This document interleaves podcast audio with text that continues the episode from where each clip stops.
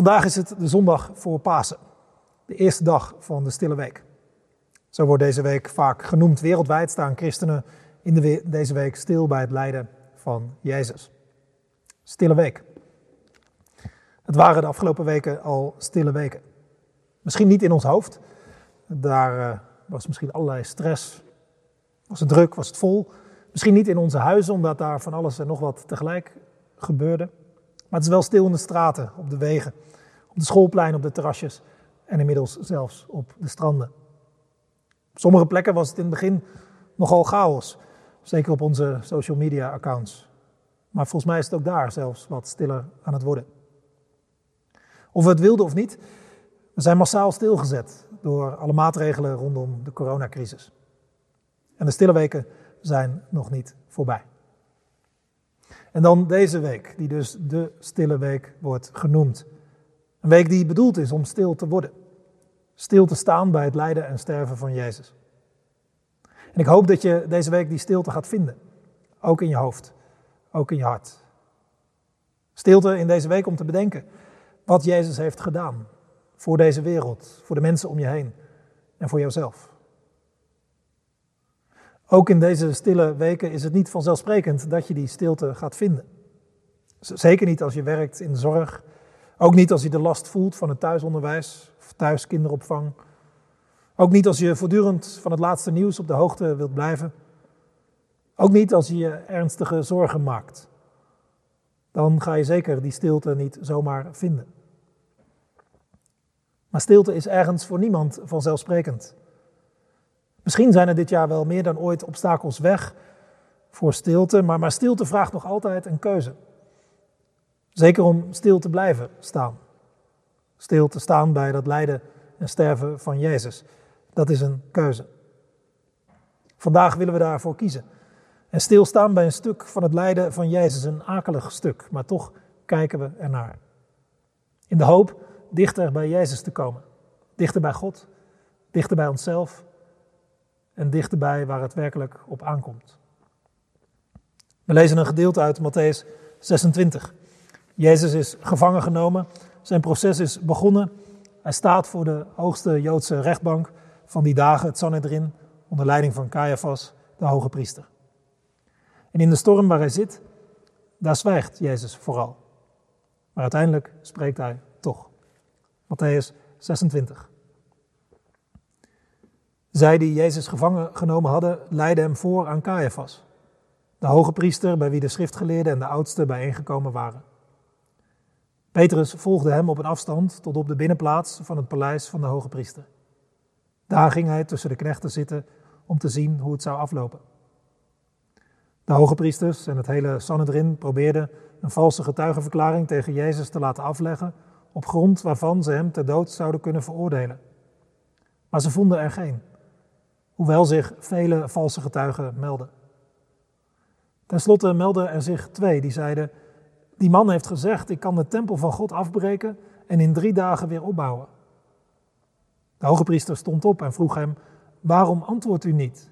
U hoort toch wat deze getuigen zeggen? Maar Jezus bleef zwijgen. De hoge priester zei: Ik bezweer u bij de levende God Zeg ons of u de Messias bent, de Zoon van God. Jezus antwoordde, U zegt het. Maar ik zeg tegen u allen hier, vanaf nu zult u de mensenzoon zien zitten aan de rechterhand van de machtige en hem zien komen op de wolken van de hemel. Hierop scheurde de hoge priester zijn kleren en hij riep uit, Hij heeft God gelasterd. Waarvoor hebben we nog getuigen nodig? Nu hebt u met eigen oren gehoord hoe hij God lastert. Wat denkt u? Ze antwoordden, hij is schuldig en verdient de doodstraf. Daarop spuwden ze hem in het gezicht en sloegen hem. Anderen stompten hem en zeiden, profeteer dan maar eens voor ons, Messias, wie is het die je geslagen heeft? Ik weet niet of je het verhaal van net je een beetje kunt voorstellen. Maar ik zou je willen vragen om het eens te proberen. Jezus is gevangen genomen en wordt nu voorgeleid aan Caiaphas. Caiaphas is geen kleine jongen. Dat merk je wel als je vers 58 leest. Dat het proces plaatsvindt in het paleis van de hoge priester. Hij is de voorzitter van het Joodse gerechtshof, een soort opperrechter zou je kunnen zeggen. Voor ons is dat misschien wat lastig voor te stellen dat een godsdienstige leider ook aan het hoofd staat van de rechterlijke macht en dat hij ook politieke macht bezit. Maar in een door en door religieuze samenleving van toen kon dat zomaar gebeuren. De uiteindelijke macht lag natuurlijk wel bij de Romeinen en bij hun man Pilatus. Maar onderschat Caiaphas niet. Dat deed Pilatus bijvoorbeeld ook niet. Caiaphas wist het spel te spelen en dat leverde hem veel macht op en geld en zelfs een paleis. Daarvoor onderhield hij goede banden met het Romeinse gezag en was zijn greep op het volk stevig. Deze Caiaphas heeft in de haast een rechtszaak uitgeschreven. Het is avonds al laat, maar blijkbaar kon dit niet meer wachten. Het Sanhedrin is bij elkaar, alle belangrijke Joodse leiders erbij, de schriftgeleerden, de oudste van het volk. En in de beklaagde bank zit Jezus. Er is niemand die hem bijstaat. Geen enkele verdediging of steun voor hem. En als we dat zo voor ons zien, dan, dan voelen we wel aan, dit klopt van geen kant.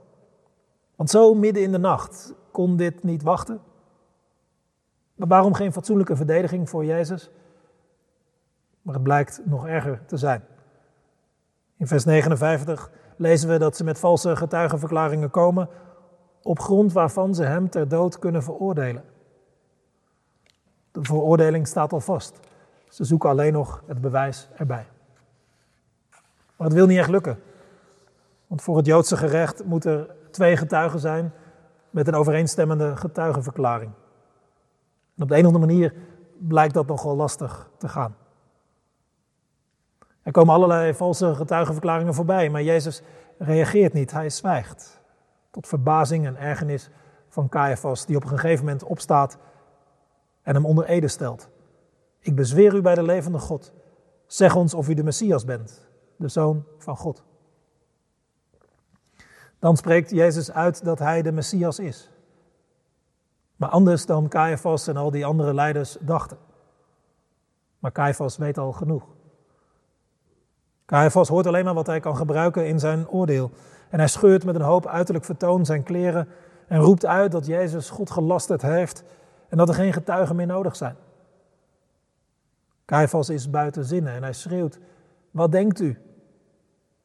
En ze antwoorden dan wat ze al lang bedacht hadden. Hij is schuldig en verdient de doodstraf. En had het daarvoor nog de schijn van een rechtszaak, dat is helemaal voorbij. Het is een regelrechte rel geworden. Ze spugen hem in het gezicht, ze stompen hem, ze bespotten hem. En, en dit zijn niet zomaar wat, wat, wat, wat mensen van de straat, nee, het gaat hier om de rechters van die dagen. De hooggeachtige godsdienstige leiders van toen. Mannen van naam, mannen van eer. De geleerden van die dagen, oude mannen vooral. Maar ze verliezen zichzelf en laten zich gaan.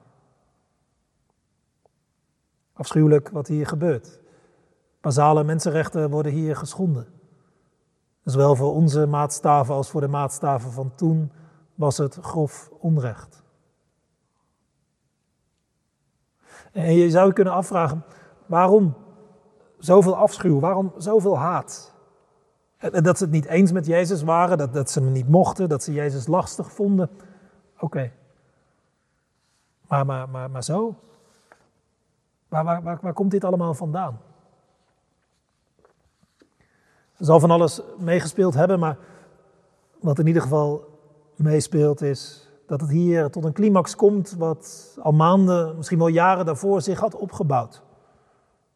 En dat komt tot een botsing. Daar waar Jezus voor stond en waar Caiaphas en zijn broeders voor stonden.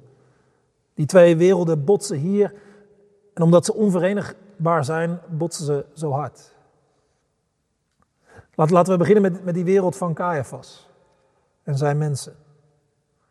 In de wereld van Caiaphas draaide het, draaide het om het bewaren van het juiste evenwicht. En dat was al lastig genoeg in een complexe tijd van toen met de Romeinse bezetting en zo. Maar Caiaphas was iemand voor wie het evenwicht dat nu behaald was behoorlijk goed had uitgepakt.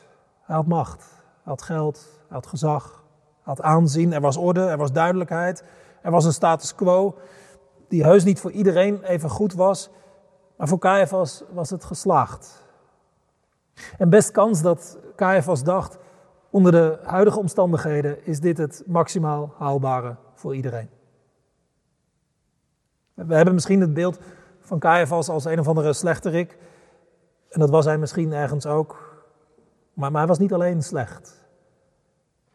Caiaphas stond ook voor de traditie, voor de tempel, voor het Joodse geloof en voor de veiligheid van het Joodse volk. Ook dat.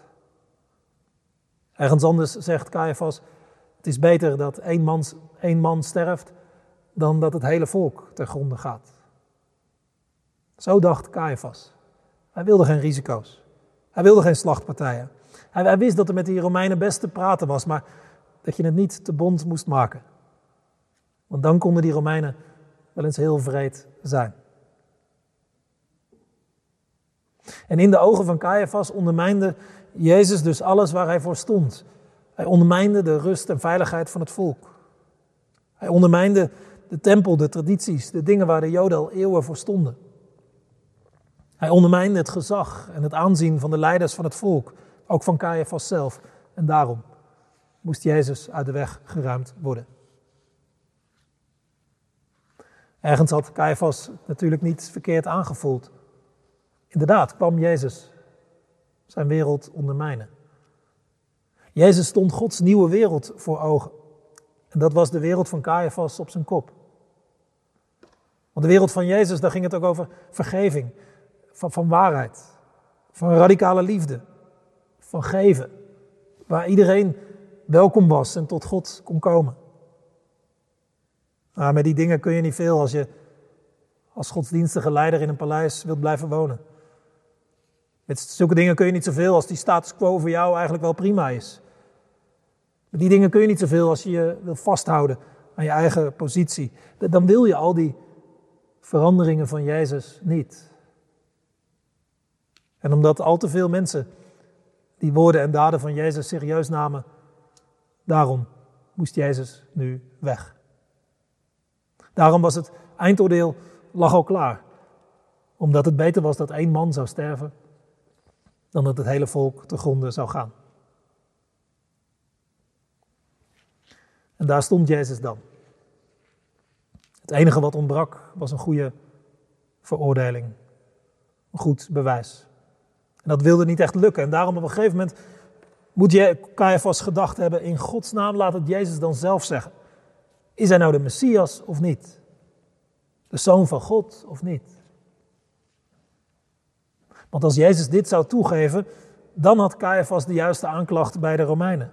Iemand die zich tot Messias uitriep immers, ja, dan, dan was een doodstraf zo geregeld. En dan doet Jezus zijn mond open. Niet ter verdediging van zichzelf. Jezus probeert niet onder de veroordeling of onder een doodstraf uit te komen. Hij zegt ronduit wie hij is. Maar hij wil het dan ook wel echt goed hebben. En daarom komt Jezus met een citaat uit Daniel 7. Want ja, hij is de Messias, maar, niet het beeld wat men toen had van een Messias. Een soort politieke bevrijder. Iemand die de Romeinen de baas zou kunnen. Het was nog veel groter. En Jezus vult zijn Messias in met die oude profetie waar God de macht en de heerschappij geeft aan de mensenzoon. En ik lees die tekst even in zijn geheel. Hij komt uit Daniel 7, vers 13 en 14.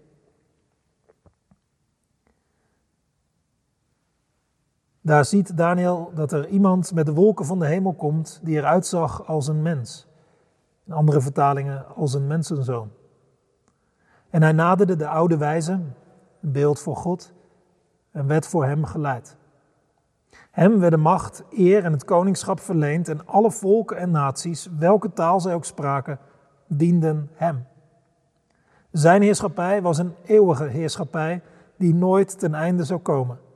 Zijn koningschap zou nooit te gronde gaan.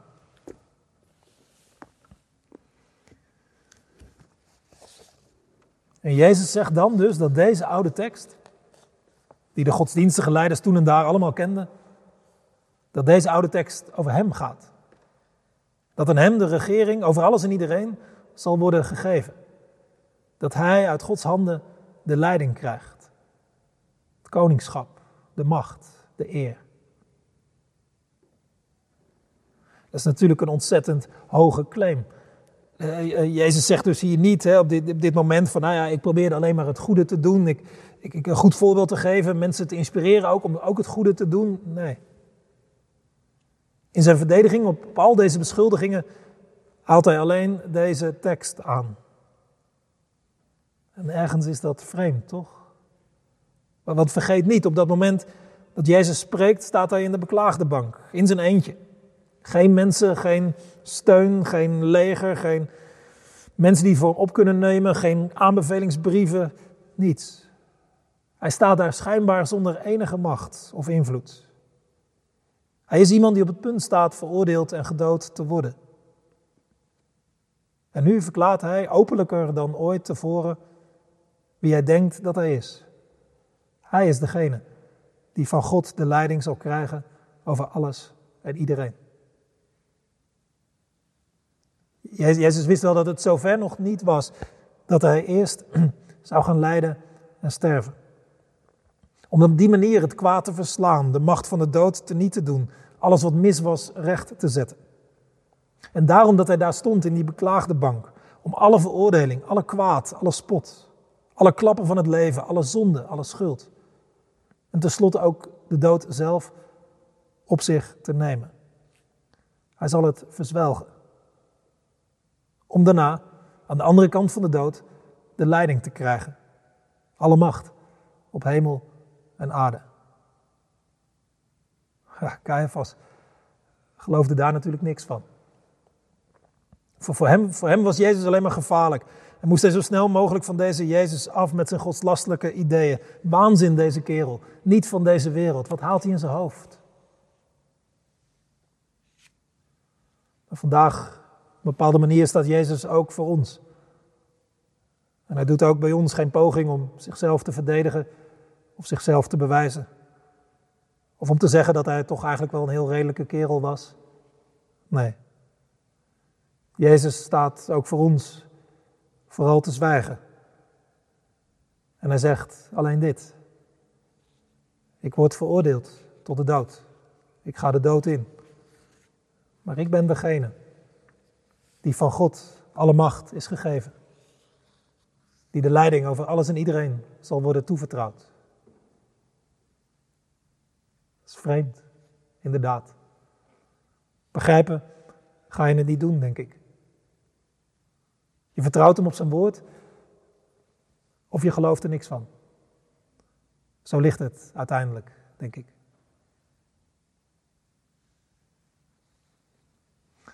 Tot slot wil ik je vragen om dit hele verhaal naar jezelf te trekken, naar je, naar je eigen leven, naar wat je om je heen ziet.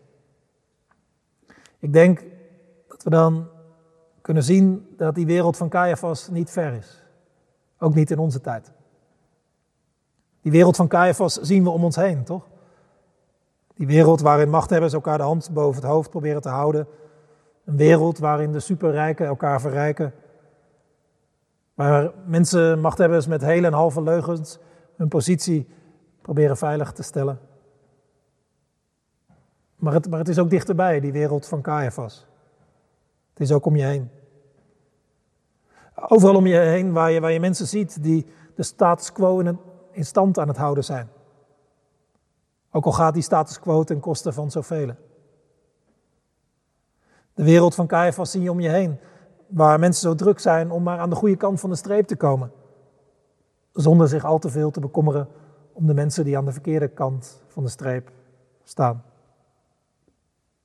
De wereld van Caiaphas zie je, waar mensen zo hard bezig zijn om het evenwicht wat ze hebben bereikt in deze complexe wereld, om dat maar te, te bewaren. En als dat evenwicht verstoord raakt, dat mensen zich gelijk bedreigd voelen. Dat zie je nu de huidige crisis om je heen. Wat een paniek. Het is de paniek van Caiaphas. Want Caiaphas is nooit gerust. In de wereld van Caiaphas moet je altijd op je hoede zijn. In de wereld van Caiaphas is het evenwicht zo wankel dat je ook zomaar kwijt kunt zijn wat je dacht te bezitten. Maar die wereld van Caiaphas zit niet alleen buiten je, om je heen. Die kan ook zomaar in jezelf zitten. Als je bezig bent met jezelf, met je eigen macht, voorspoed, aanzien, status en statussymbolen. En elke keer dat je denkt dat als je je huidige positie, status en controle zou verliezen, dat dan alles verloren zou zijn, dan is dat een teken dat die wereld van Caiaphas ook in jezelf zit. Want de wereld van Caiaphas draait om houden wat je hebt, om zelfprotectie, om zelfbehoud. Maar als je goed kijkt naar dit verhaal, dan, dan zie je natuurlijk vooral Jezus staan. Hij is de rust zelf hier. En hij bekommert zich niet om die dingen van Caiaphas. Die dingen waar Caiaphas zich zo druk om maakte. Nee. En als je de lijn doortrekt, dan zou je kunnen zeggen: Jezus is ook niet bezig om jouw status quo nou maar in stand te houden. Jezus is niet bezig met jouw positie, jouw aanzien, jouw macht, jouw controle, jouw status of statussymbolen. Hij ondermijnt zelfs bewust je vertrouwen op deze dingen. Ook al zou je gek worden bij het idee dat je zulke dingen zou verliezen, Jezus zou er niet mee stoppen.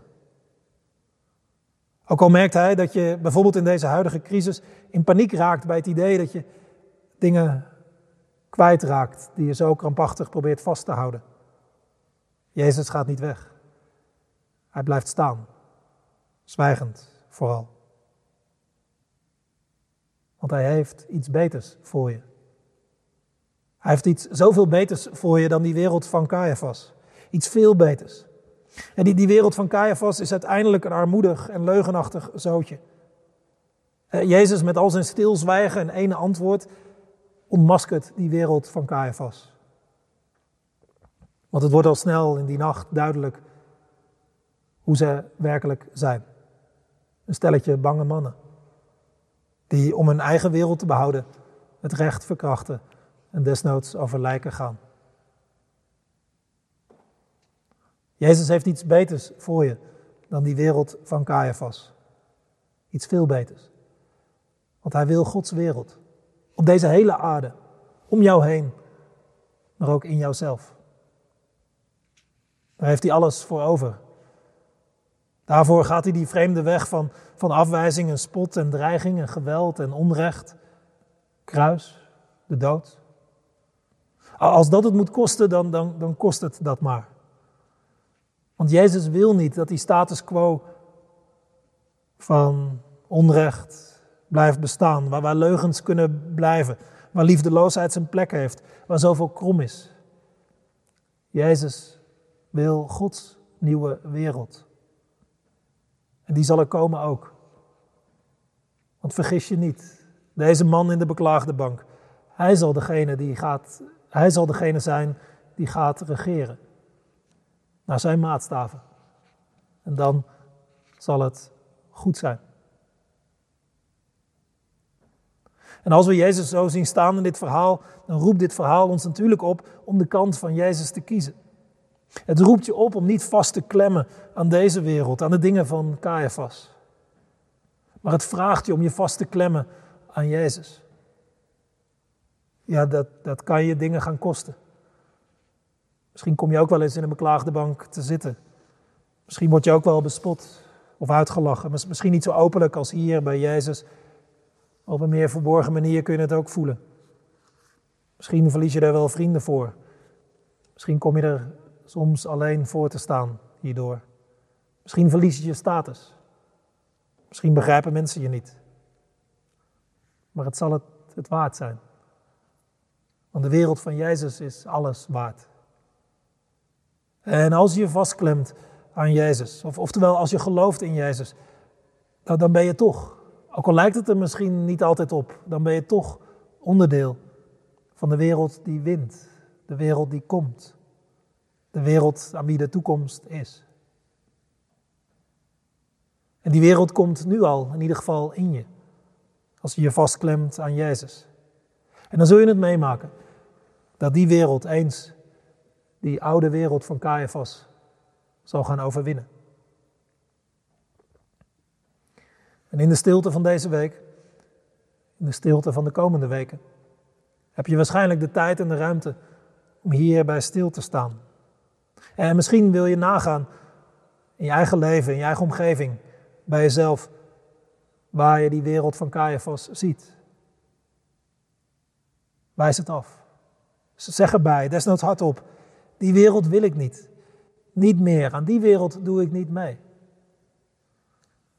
En ik zou je willen vragen om naar Jezus te kijken. En te blijven kijken. Naar zijn waarden en normen, naar zijn woorden en daden. Naar wie hij is vooral. Naar wat hij brengt. Blijf kijken, ook waar hij lijdt en sterft. En zeg Jezus in een stil gebed, steeds weer, uw wereld wil ik. Overal, maar ook in mij. Alsjeblieft, die wereld, daar wil ik meer van. Amen.